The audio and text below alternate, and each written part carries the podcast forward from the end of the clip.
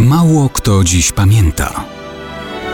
Datownik historyczny prezentuje Maciej Korkuć.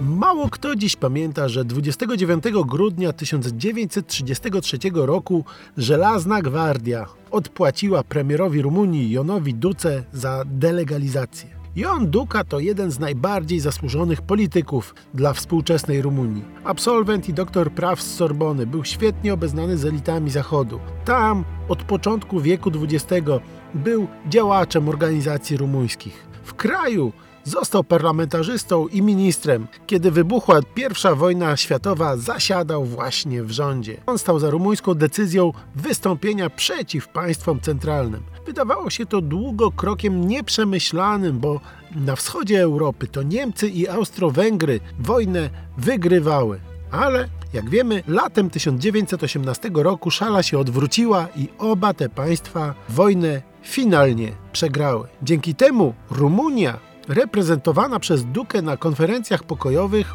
uzyskała cały Siedmiogród i Dobrudże, a także Besarabię i Bukowinę. Stała się państwem dwukrotnie większym niż przed wojną. Duka wspierał sojusze z Polską i Francją, był jednym z autorów Konstytucji Królestwa Rumunii. W listopadzie 1933 roku doszedł na szczyty władzy. Został premierem. I wtedy okazało się, że przecież cały jego życiowy dorobek stawiał go w konflikcie sprącą również do władzy faszystowską Żelazną Gwardią. Ta rosła w siłę niesiona na fali jako ugrupowanie prezentujące się jako postępowe i nowoczesne w czasach, kiedy wielu Europejczyków było zafascynowanych sukcesami narodowego socjalizmu w Niemczech, tam już Hitler był u władzy, i faszyzmu we Włoszech, gdzie rządził Mussolini. Ale Duka tym modom ideologicznym ulegać nie zamierza aktem z 10 grudnia 1933 roku delegalizuje Żelazną Gwardię. Jej bojówki w związku z tym nie czekają długo